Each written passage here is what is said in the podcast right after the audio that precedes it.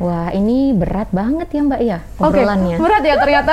Iya berat. apa sih tantangannya untuk mengimplementasikan uh, Oke. apa namanya ini dalam keilmuan kita gitu karena Eh, saya pribadi tidak melihat ini sebagai sesuatu hal yang menakutkan, tapi justru harus kita lihat sebagai bagian dari eh, warisan ya Hmm. dari eh, pengetahuan Islam. uh, ada ada ada pemberitaan rakyat direpresi dan seterusnya gitu. Banyak korban jiwa gitu.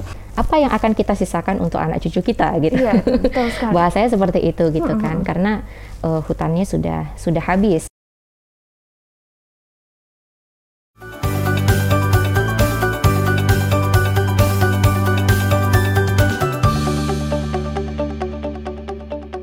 Assalamualaikum warahmatullahi wabarakatuh. Selamat datang di Ngalir Talk Show, ngobrol ala IR yang dipersembahkan oleh Laboratorium Diplomasi Program Studi Hubungan Internasional Universitas Islam Indonesia. Bersama saya Masitoh Nur Rahma yang akan menemani sobat ngalir untuk ngobrolin topik-topik terkini dengan isu yang terhangat dan dengan narasumber yang top. Saat ini telah hadir bersama saya Ibu Rizky Dian Nursita yang akan membicarakan mengenai isu Islam dalam perspektif hubungan internasional dan juga sebagai pendekatan dalam hubungan internasional.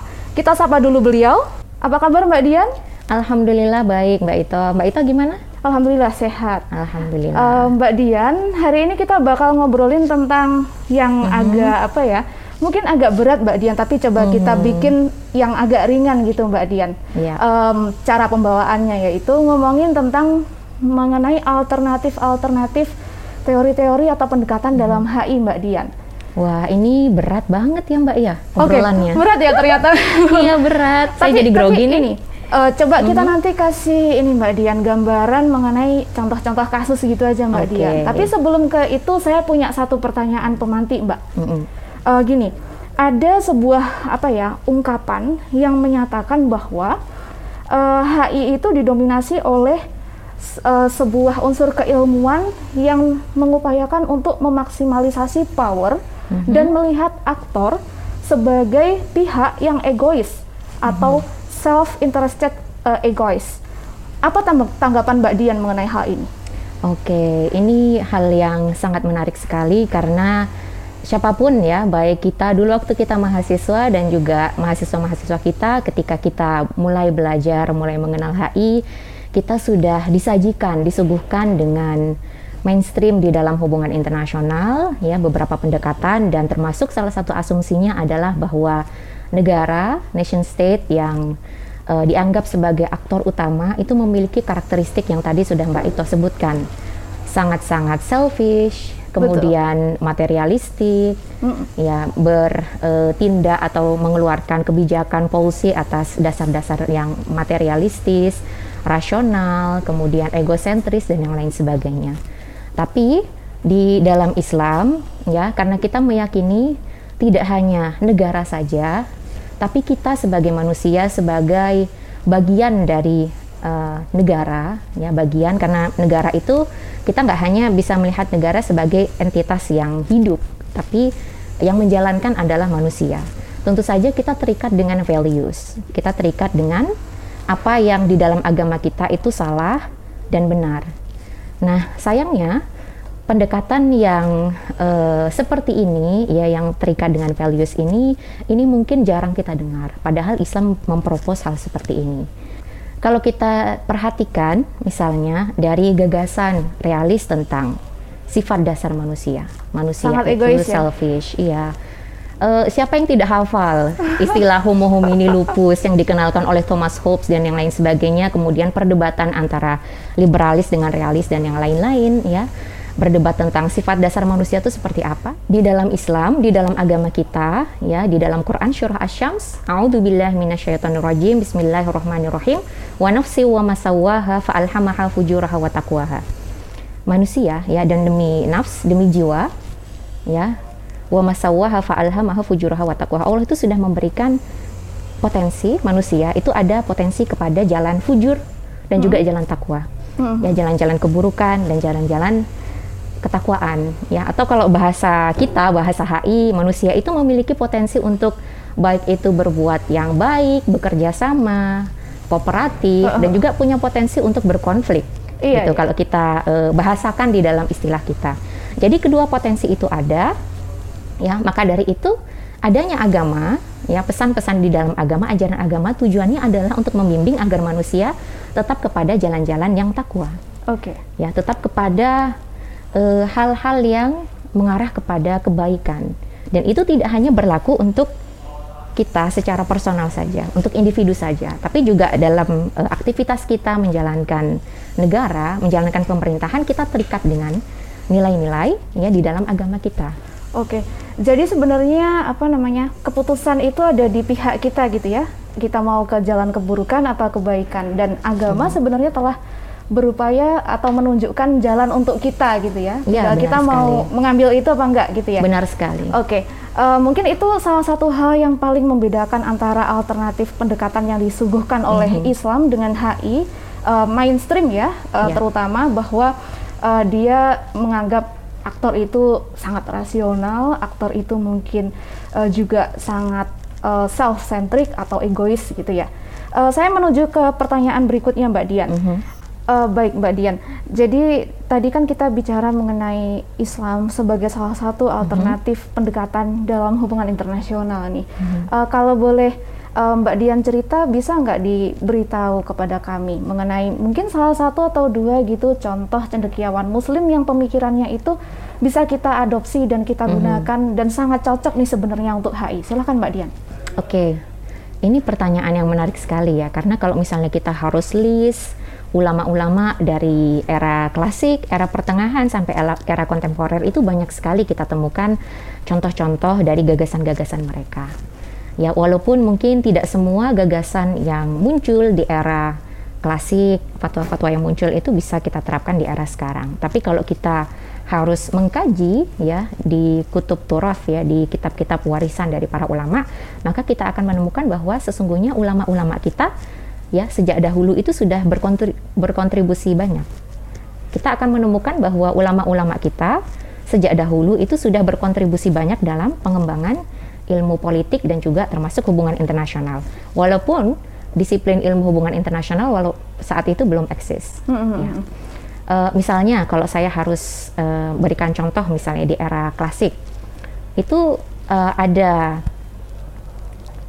misalnya Misalnya, kalau saya harus beri contoh dari salah satu alim ulama di era klasik, termasuk juga imam ya, salah satu imam besar yang juga menjadi rujukan ya bagi uh, masyarakat muslim di beberapa uh, negara di dunia ya, yaitu Imam Hanafi misalnya. Imam Hanafi ya di era klasik itu sudah mengenalkan apa yang uh, kita bisa sebut sebagai model di dalam kajian strategis Oh ya, menarik sekali ya. Ya. Jadi kajian-kajian apa namanya pembagian-pembagian e, negara itu sejak dahulu sudah ada gitu. Mm -hmm. Ya, di mana e, Imam Hanafi ya berdasarkan apa yang didapat di dalam e, Quran kemudian membagi negara itu menjadi tiga ya. Mm -hmm. Ada sebenarnya Darul Darul Islam, Darul Harb dan mm -hmm. Darul Ahad. Sebenarnya awalnya hanya Darul Islam, Darul Kufur. Yeah ya negara Islam negara kufur tapi kemudian uh, negara kufur ya negara kafir itu dibagi lagi menjadi darul ahdi ya atau negara yang di mana ada perjanjian dengan darul Islam kemudian ada uh, juga uh, darul harb ya atau negara yang cenderung untuk berkonfrontasi dengan negara Islam ya yang uh, agak disayangkan yeah. ya pembagian ini tipologi ini kemudian dimaknai sebagai sebuah momok sebagai sesuatu yang menakutkan dari yeah, Islam. Yeah, yeah. Oh Islam itu pasti membawa misi-misi uh, yang cenderung melihat negara lain itu sebagai musuh. Oh, iya. Padahal kalau kita bandingkan misalnya mm -hmm. ya dengan um, strategi di dalam politik luar negeri yang di um, dikenalkan oleh John Lovell misalnya ya ada empat macam atau ada empat tipologi di dalam strategi politik luar negeri ya negara itu kadang bisa berkonfrontasi ya, betul. kadang bisa akomodasi mm -hmm. kadang bisa leading kadang ya, bisa uh, apa cenderung untuk menerima gitu hmm. kan atau concordance. Nah, kalau misalnya kita bandingkan ini kan apa bedanya. Iya, iya betul. hal yang wajar gitu kan. oh, kan. Jadi oh, oh. Uh, saya pribadi tidak melihat ini sebagai sesuatu hal yang menakutkan, tapi justru harus kita lihat sebagai bagian dari uh, warisan oh, ya dari uh, pengetahuan Islam ya termasuk di dalam uh, khususnya di dalam uh, politik. Ya, dan um, yang harus kita garis bawahi juga ya fatwa-fatwa yang dikeluarkan oleh ulama saat itu itu boleh jadi memang tidak relevan dengan sekarang. Mm -hmm.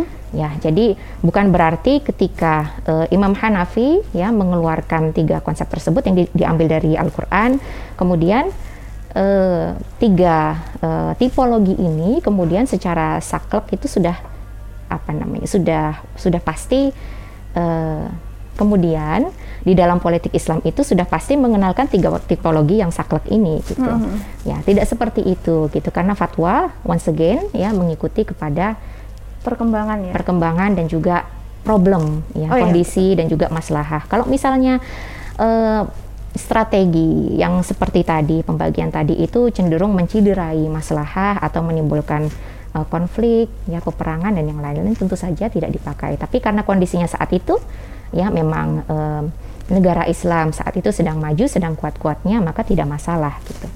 Itu yang era klasik. Itu baru era, era klasik dan baru Imam Hanafi gitu. Oke, okay, jadi masih banyak ya Masih banyak yang lain. Ada lagi muridnya Imam Hanafi namanya Imam Syaibani itu juga uh, mengenalkan konsep law of nations mm -hmm. ya, mungkin apa yang uh, kita kenal sekarang sebagai international law. Oke. Okay. Termasuk oh. bagaimana perlakuan terhadap uh, apa yang kita kenal sekarang mungkin sebagai refugees misalnya okay, pengungsi oh, itu betul, juga betul. sudah ada konsep-konsep seperti itu. sudah ada. Ya. Yang era kontemporer oh, ya era era pertengahan dulu ya. Era pertengahan itu juga uh, banyak ya. Misalnya Al-Mawardi yang mengenalkan tentang prinsip-prinsip dalam bernegara itu seperti apa. Kemudian uh, bentuk negara yang uh, mungkin ya kalau sekarang ya ini mirip dengan negara yang parlementer mm -hmm. ya. Dan uh, bagaimana bernegara yang seharusnya itu juga sudah dikenalkan oleh Imam Al-Mawardi. Dan era sekarang ya banyak sekali walaupun mungkin kita jarang dengar ya. Uh, ada uh, Abdul Hamid Abu Sulaiman misalnya yang menulis uh, teori dia uh, teori Islam Islam teori in international relations. Jadi yeah. teori Islam di dalam hubungan internasional itu seperti apa. Kemudian uh, Toha Jabir Al Alwani misalnya, ya, yang mengenalkan um, fikih minoritas gitu. Jadi minoritas Menarik, itu ya? kalau misalnya ada di uh, apa Muslim misalnya menjadi minoritas mm -hmm. di negara yang uh, mayoritas itu non itu harus bersikap seperti apa itu Wah, ada fikihnya itu sangat menarik ya iya pa padahal sangat, itu menarik. bahasan yang sangat apa ya strategis gitu hmm. ya kalau di HI kontemporer iya di HI ya. kontemporer dan sangat dekat dengan apa yang uh, sekarang kita sering lihat ya iya, kita betul, alami betul. misalnya uh, Islamofobia di Barat hmm, kemudian hmm, adanya um, Rohingya misalnya hmm. di Myanmar dan yang lain sebagainya. Gitu. Iya iya, Mbak Dian, saya hmm. saya jadi ini terpantik gitu. Tadi kan sebenarnya penjelasan Mbak Dian mengenai pemikiran cendekiawan Muslim hmm. itu memang sangat bisa kita katakan komprehensif hmm. gitu ya, dan juga uh, konsep-konsep yang dia tawarkan itu juga relevan dengan HI. Tapi mm -hmm. sebenarnya apa sih tantangannya untuk mengimplementasikan uh, eh, okay. apa namanya ini dalam keilmuan kita gitu karena okay, okay. sepertinya kok kita jarang ya memakai hal ini padahal ya relevan relevan sekali mm -hmm. kalau menurut saya bahkan. Oke. Okay. Jadi ini semacam hambatannya apa sih gitu? Iya. Padahal banyak sekali konsep-konsep ulama yang uh, apa namanya memberikan gagasan-gagasan yang bisa iya, kita betul. terapkan di HI. Ini pertanyaan yang menarik sekaligus sulit untuk dijawab gitu. Mungkin menjawabnya mudah, tapi kemudian bagaimana kita menjawab tantangan tersebut, maksudnya melaksanakan atau berusaha untuk mencari jalan keluar atas tantangan tersebut itu agak sulit ya dan ini juga merupakan PR yang sangat besar kalau misalnya uh, kita lihat ya walaupun di era kontemporer tadi mungkin saya sudah menyampaikan banyak sekali eh, karya-karya uh, ya yang membahas tentang Islam di dalam hubungan internasional, tapi sangat disayangkan ya uh, sebagian besar ya mungkin uh, tidak saya sebutkan itu justru membahas tentang bagaimana Islam mempengaruhi perilaku dari negara, perilaku dari nation state ya. Sedangkan karya-karya yang membahas tentang bagaimana Islam ya melihat bagaimana negara seharusnya berperilaku, masyarakat seharusnya berperilaku itu justru kurang menarik perhatian. Okay. Bahkan cenderung ya kurang diterima ya. Jadi ini PR yang uh, sangat besar gitu bagi kita. Kemudian yang berkaitan dengan metode. Ya.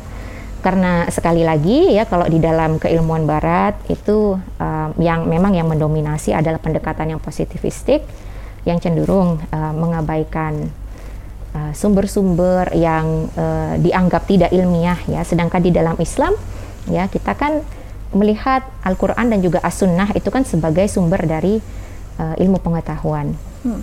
ya uh, Al-Qur'an itu adalah sesuatu yang hak ya yang namanya uh, manusia sudah diberikan segala uh, perangkat ya segala nikmat. Kemudian Al-Qur'an itu ada untuk menuntun kita sebagai guidance ya kan yang mana guidance itu kita gunakan untuk menangkap fenomena atau yang kemudian kita sebut sebagai al-ayat atau tanda-tanda yang ada di sekitar kita Pertanda. yang ada di lingkungan kita gitu hmm.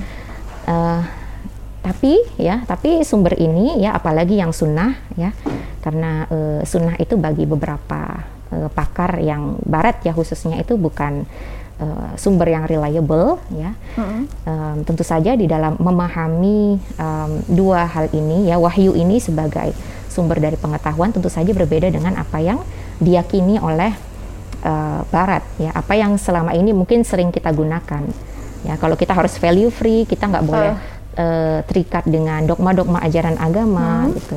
Sedangkan di dalam Islam itu kan tidak bisa seperti itu gitu. Ya. Dan uh, untuk menengahi hal tersebut ya Mbak Ito, hmm.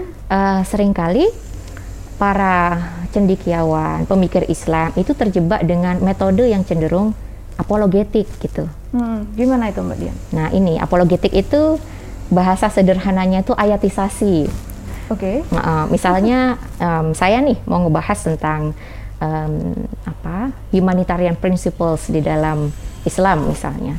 Mm-hmm. Ya, cenderung saya menggunakan apa-apa yang sudah saya dapatkan di ICRC misalnya humanitarian iya, principles itu apa, kemudian mm-hmm. saya breakdown satu persatu, ada nggak ayatnya di Al-Qur'an. Nah, okay. sering kali kita terjebak betul, dengan betul. seperti ayatisasi itu. ya. Iya, gitu. Jadi mm-hmm. ayatisasi yang seperti ini tuh biasanya kurang menarik. Mm-hmm ya karena tidak tidak menimbulkan apa uh, sebuah kebaruan ya hmm, betul, betul. Uh, dan ya hanya tempel-tempel saja hmm, seperti hmm, itu hmm, gitu jadi ini hal yang uh, PR yang sangat panjang gitu kalau misalnya kita pingin membuat atau mengeluarkan karya atau hmm. membuat model atau mungkin sampai ke teori ya hmm. kalau bisa gitu sampai ke teori yang memang kita ambil dari sumber-sumber agama kita ya dari uh, Al-Qur'an dan juga As-Sunnah ini PR yang sangat panjang gitu. Kemudian kendala lain Mbak Ito um, kendala lain adalah adanya um, apa stigma-stigma uh, tentu saja ya yang berkaitan dengan Islam. Apalagi kalau kita bicara politik hubungan internasional. -hmm. Kalau kita search saja ya di Google maka akan kita dapati bahwa sebagian besar uh, sumber-sumber um, referensi-referensi yang terkini mm-hmm. yang terkhusus uh, dari apa namanya pemikir-pemikir yang bukan Muslim ya itu yang banyak diangkat justru malah bahasan-bahasan tentang just war, yeah. ya jihad, mm -mm. kemudian dikaitkan dengan terorisme, gitu. Islamofobia, gitu. iya Islamofobia ya yang seperti itu gitu. Jadi yang uh, mungkin yang membahas tentang bagaimana minoritas itu harus uh, apa namanya fikih minoritas gitu di uh, ketika seorang atau kelompok kelompok muslim gitu uh, tinggal di tempat yang minoritas itu seperti apa? Atau mungkin bahasan tentang uh, resolusi konflik di dalam Islam itu seperti apa? Itu mungkin sangat jarang kita temukan gitu. Ya. Uh, justru lebih banyak yang bahasan-bahasan yang tadi gitu. Jadi mm -hmm. ada semacam stigma kalau Islam politik ya. E, kalau misalnya di di dalam e, pembahasan tentang politik di dalam Islam itu pasti arahnya ke situ gitu. Arahnya ke just war jihad dan yang lain sebagainya. Kemudian juga e, hal yang sangat-sangat juga e, krusial ya ini juga sesuatu yang sangat-sangat mengkhawatirkan ya adanya ad, yaitu ya, ya hal yang sangat sangat mengkhawatirkan yaitu kurangnya pemahaman kita terhadap sumber-sumber pengetahuan hmm. agama Islam gitu baik sumber yang Quran dan Sunnah maupun uh, referensi-referensi dari uh, ulama-ulama baik ulama era uh, klasik ataupun era pertengahan ya hmm. kalau yang kontemporer kan banyak yang mungkin sudah diterjemahkan di dalam bahasa Inggris atau mungkin juga yeah. ada bahasa Indonesia Betul. tapi kan yang dulu kan sebagian besar itu uh, tertulis dalam bahasa Arab. Sedangkan um, bahasa Arab itu sangat-sangat kaya dan kita tidak bisa memaknai atau semata-mata mentranslate apa yang kita uh, apa namanya baca di dalam teks uh, apa yang berbahasa Arab kemudian kita maknai secara setengah-setengah tanpa kita memahami bahasa Arab gitu. Tanpa kita tanpa memiliki logika uh, Arab ya. Iya. atau um, kalau uh, bisa kita katakan al-urubah ya. Logika berpikir di dalam uh, Arab itu seperti apa gitu ya ini uh, mungkin juga menjadi PR yang sangat besar gitu untuk uh, saya pribadi ya kemudian masalah lain ya karena di dalam Islam kalau kita bicara tentang politik hubungan internasional itu sangat-sangat sistemik. Mm -hmm. ya. Jadi bisa jadi uh, level of analysisnya itu bukan lagi uh, masyarakat atau yeah. mungkin uh, negara uh -huh. ya, tapi udah ke global gitu yeah, kan. Betul. Jadi ada kesan kalau wah ini apa namanya pendekatan Islam di dalam hubungan internasional itu terlalu grande gitu. Mm -hmm. Padahal tujuannya kenapa kok harus sistemik ya agar um, apa namanya um, analisis dan juga um, problem solving yang ditawarkan itu tidak setengah-setengah yeah. dan integral ya. Tapi kalau boleh saya simpulkan mm -hmm. pendekatannya sebenarnya sangat menyeluruh dan komprehensif mm -hmm. Benar gitu ya. ya atau tapi, bahasa sederhananya komprehensif Iya, gitu. tapi mm -hmm. dianggap terlalu grande gitu mm -hmm. ya. Padahal mm -hmm. tujuannya itu ya untuk mm -hmm. menjadi uh, komprehensif dan mm -hmm. solutif gitu. Mm -hmm. Sebenarnya ya Mbak ya, Dian. benar sekali. Uh -uh. Uh, gini Mbak Dian, um, apa namanya? pemaparan Mbak Dian itu sangat menarik, tapi saya tertarik untuk mencoba melihat dalam sebuah uh, studi kasus mm -hmm. gitu ya, kita menanamkan pemahaman dan pemikiran itu. Mm -hmm. Misalnya ketika kita menghadapi situasi internasional atau regional mm -hmm. gitu ya, mungkin uh, beberapa waktu yang lalu di Myanmar sempat mm -hmm. ada ini uh, kudeta militer mm -hmm. yang menggulingkan uh, kekuasaan atau otoritas yang legal gitu mm -hmm. ya, yang sah. Dan di situ uh, rakyat uh, ada ada ada pemberitaan rakyat direpresi dan seterusnya gitu banyak korban jiwa gitu uh, sementara di lingkup regional itu ada banyak pihak yang mengkritisi misalnya ASEAN atau bahkan Indonesia mm-hmm. yang tidak mengambil langkah yang responsif gitu ya mm-hmm. uh, melihat adanya penindasan gitu misalnya mm-hmm. ya kejahatan kemanusiaan mungkin okay. bisa dikatakan nah kalau pendekatan Islam melihatnya seperti apa Mbak Dian atau mungkin bisa menawarkan apa dalam hal ini?